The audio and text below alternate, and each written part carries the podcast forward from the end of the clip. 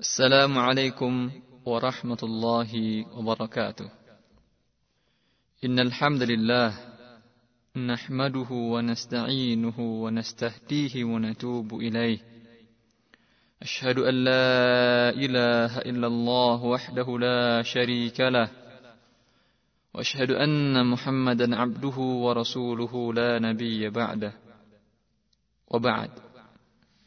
Kaum muslimin, kaum muslimat yang dimuliakan oleh Allah Subhanahu wa taala.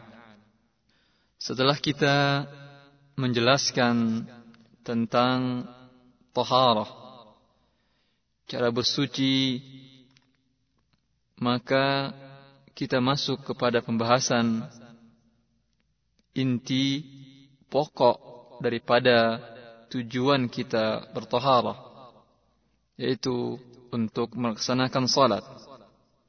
Salat merupakan rukun Islam kedua setelah mengucapkan kalimat syahadat dan juga merupakan ibadah yang paling penting yang harus dilakukan seorang muslim yang balik dan berakal.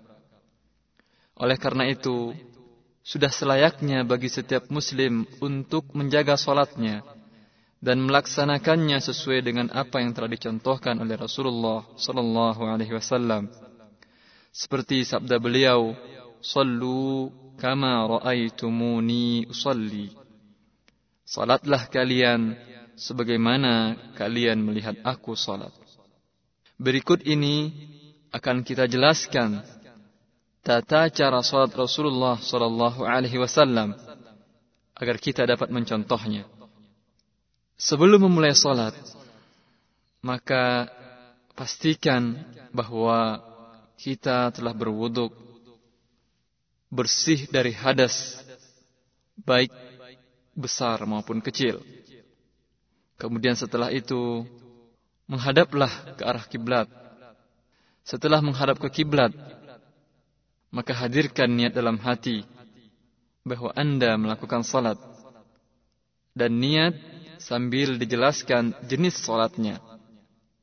Umpamanya sholat subuh, atau sholat zuhur, atau sholat asar, dan seterusnya. Dan niatkan bahwa Anda melaksanakan sholat ikhlas karena Allah subhanahu wa ta'ala semata. Niat tidak perlu dilafazkan.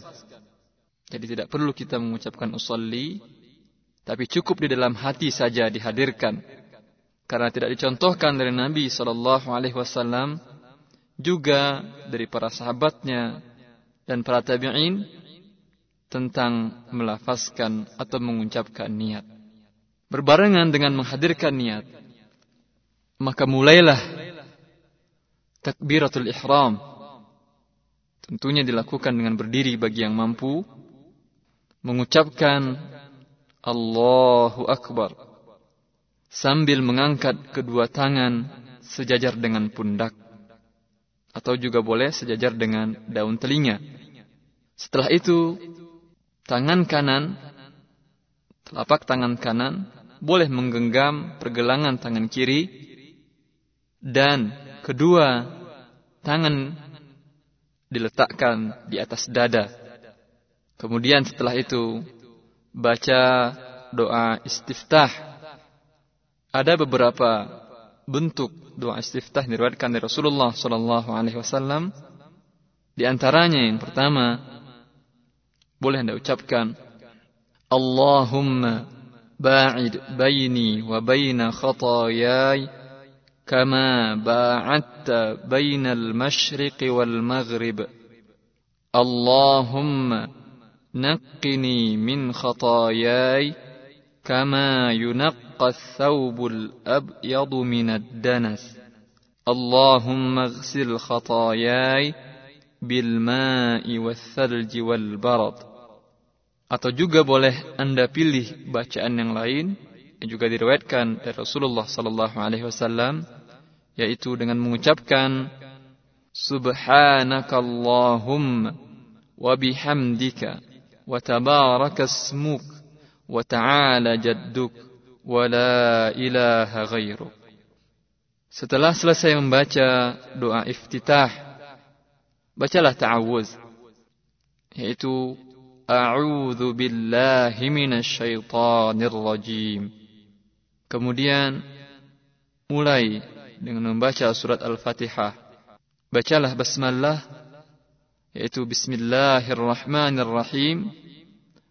Boleh dikeraskan atau dijaharkan dan juga boleh disirkan bila dalam solat jahar. Lanjutkan dengan baca Al-Fatihah seterusnya. Bismillahirrahmanirrahim.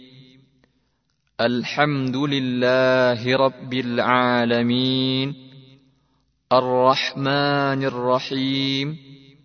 Maliki Yawmiddin. إياك نعبد وإياك نستعين. اهدنا الصراط المستقيم. صراط الذين أنعمت عليهم غير المغضوب عليهم ولا الضالين.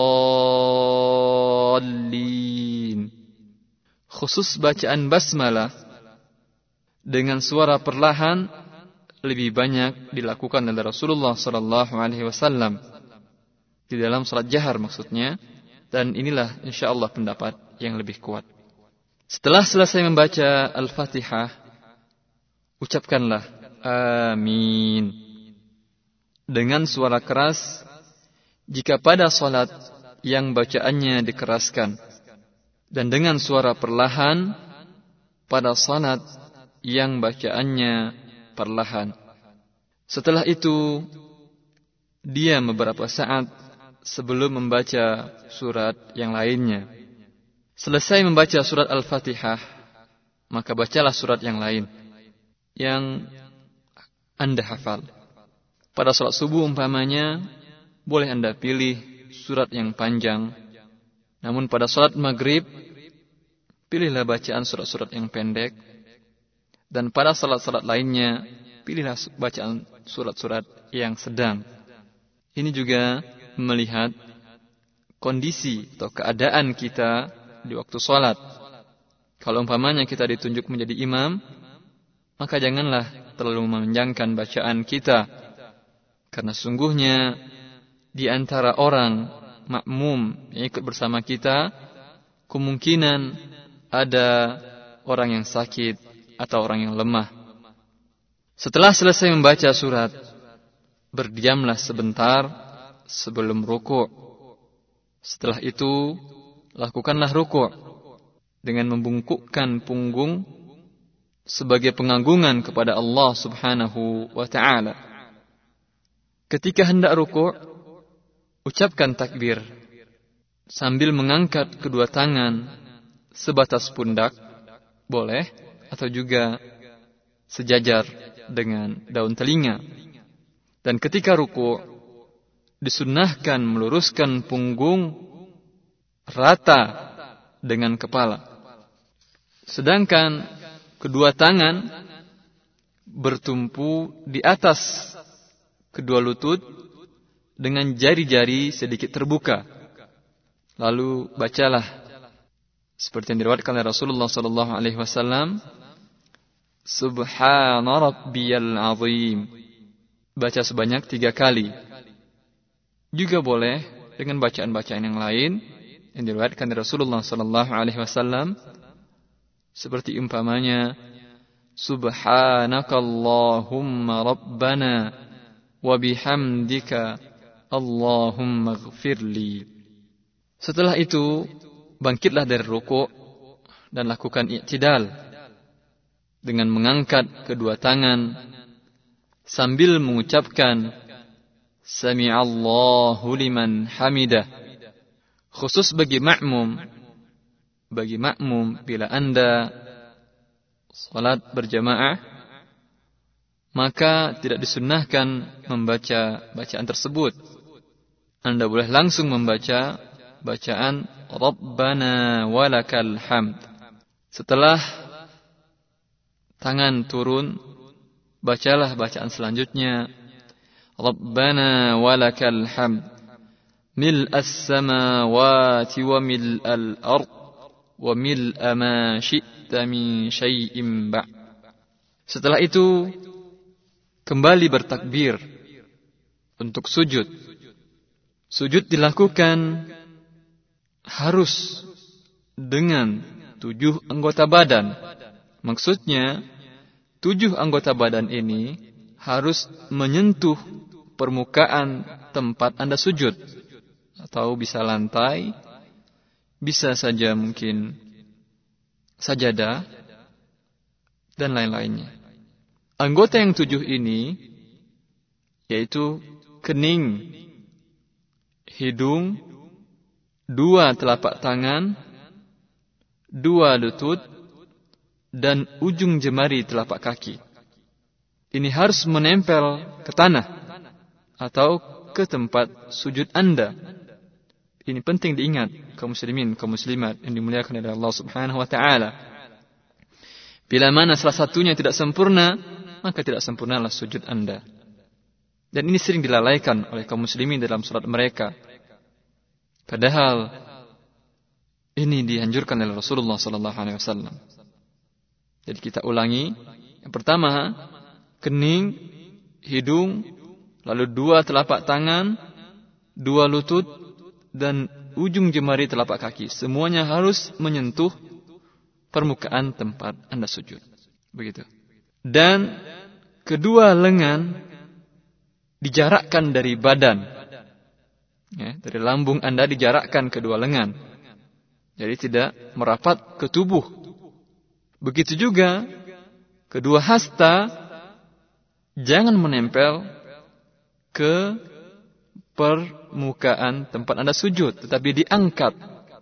Ya. Karena dikatakan oleh Rasulullah SAW, bila kedua hasta ketika sujud menempel ke tempat permukaan salat, maka sama dengan seperti anjing yang sedang merebah di atas tanah. Dan ujung-ujung jari kaki ya, itu harus menghadap kiblat. Ini harus diperhatikan keadaan anggota tubuh di saat sujud. Adapun bacaan sujud yaitu di antaranya boleh mengucapkan Subhana rabbiyal a'la. Ucapkan sebanyak tiga kali. Atau juga boleh dengan bacaan yang lain yaitu Subhanakallahumma rabbana wa bihamdik Allahumma gfirli. Setelah itu duduk di antara dua sujud yaitu bangun dari sujud dengan mengangkat kepala seraya bertakbir mengucapkan Allahu akbar tanpa mengangkat kedua tangan Kemudian duduk dengan cara iftirash. Cara duduk iftirash yaitu duduk di atas telapak kaki kiri. Ya. Akhir artinya pantat kita duduk di atas telapak kaki kiri. Sedangkan telapak kaki kanan itu ditegakkan atau ditancapkan berdiri. Adapun tangan, jari-jari tangan, maka dihamparkan di atas kedua paha. Lalu bacalah bacaan berikut. Di antaranya boleh anda ucapkan seperti dikatakan Rasulullah Sallallahu Alaihi Wasallam. Allahumma gfirli warhamni wajburni wahdini warzuqni atau jika boleh bacaan yang lebih singkat dengan cukup mengucapkan Rabbighfirli Rabbighfirli Setelah itu kembali sujud untuk yang kedua kalinya dengan cara yang sama seperti pada sujud pertama. Lalu bangunlah dari dari sujud untuk melanjutkan rakaat kedua sambil bertakbir tentunya.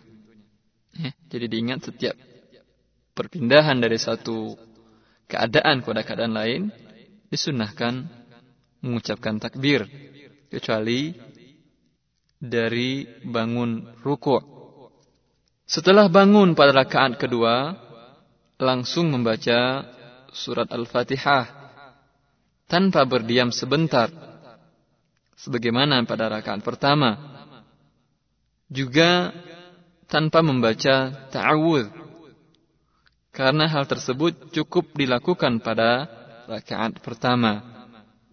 Setelah itu ruku ya, sama seperti rakaat pertama Lalu juga i'tidal sama seperti yang pertama, sujud dan duduk di antara dua sujud sama juga seperti pada rakaat yang pertama.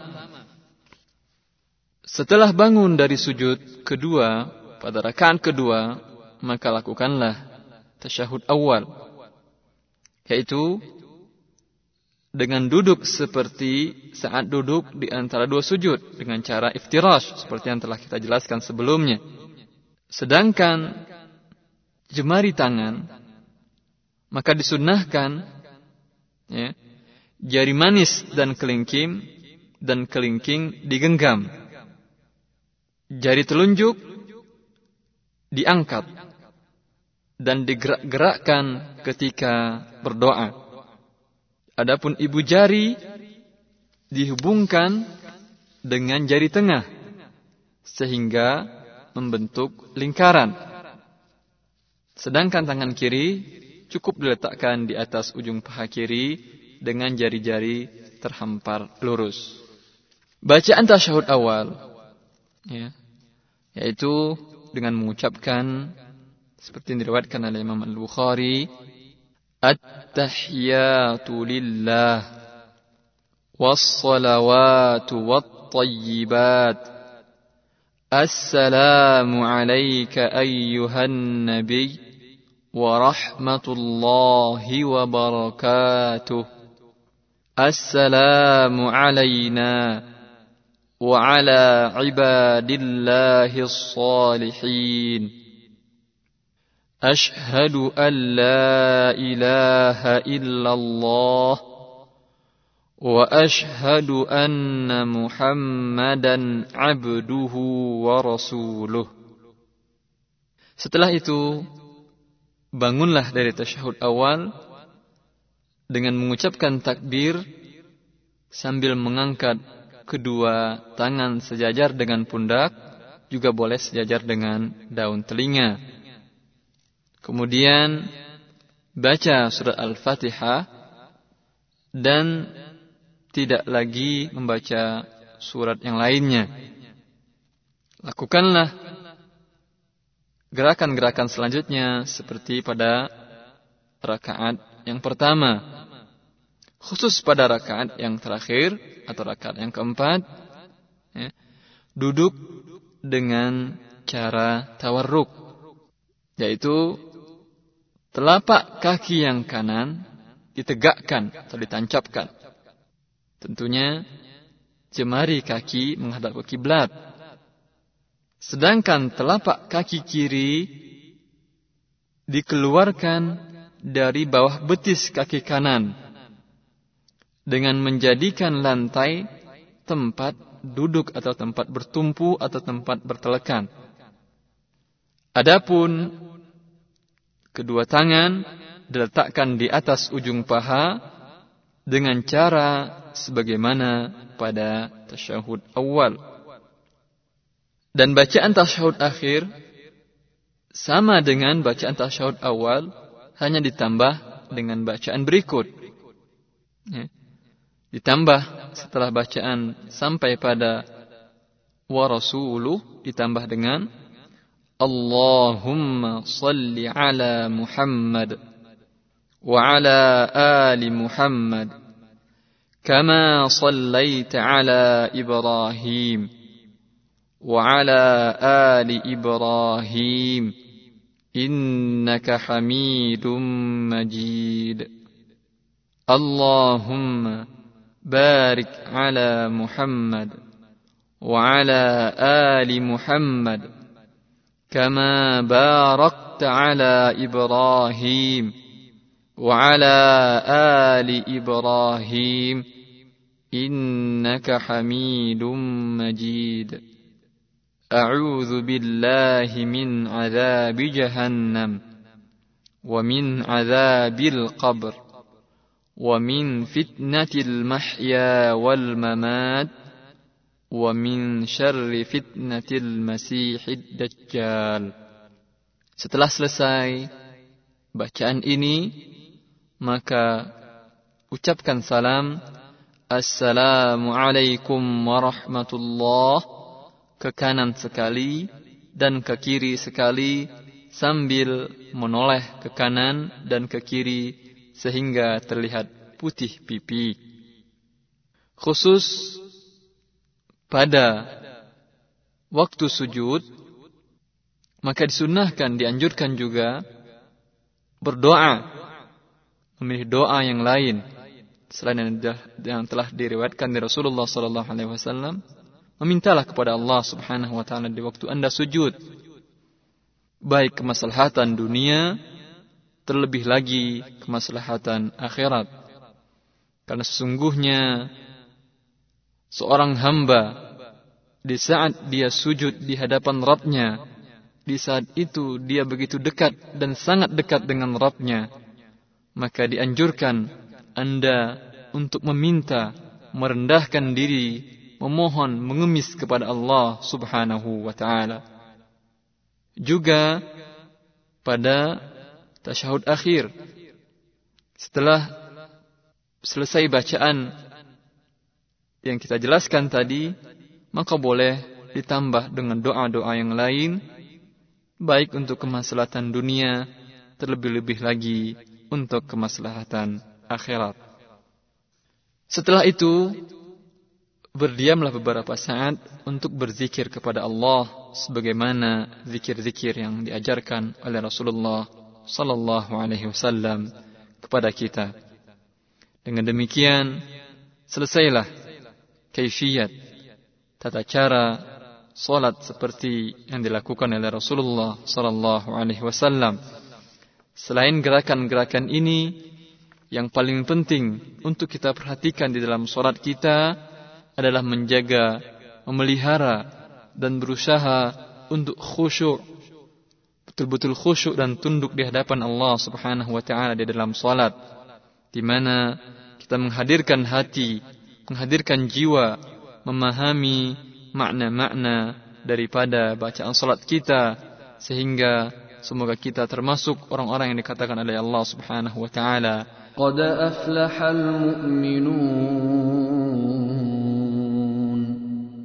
الذين هم في صلاتهم خاشعون Sungguh beruntunglah orang-orang yang beriman, yaitu orang-orang yang khusyuk di dalam salatnya. Semoga, semoga Allah Subhanahu wa taala menerima salat kita dan menjadikan kita orang-orang yang khusyuk di dalam salat. Aqulu qawli hadza wa astaghfirullah li wa lakum wa lisairil muslimin. Wassalamualaikum warahmatullahi wabarakatuh. Mudah-mudahan Allah Subhanahu wa taala memberikan kepahaman kepada Anda setelah mendengarkan silsilah studi Islam terpadu ini. Bagi Anda yang berminat memiliki album kaset studi Islam terpadu ini, dapat menghubungi kami di kantor kerjasama dakwah, bimbingan dan penyuluhan agama Islam bagi para pendatang di daerah Rabuah, Riyadh. PO Box 29465 Riyadh 11457. Telepon 445 4900 491 6065. Fax 497 0126. Rabwa Jalan Amir Mat'aib samping Bang Al-Rahji cabang Rabwa. Assalamualaikum warahmatullahi wabarakatuh. تم تسجيل هذه المادة في استديو المكتب التعاوني للدعوة وتوعية الجاليات بالربوة في مدينة الرياض.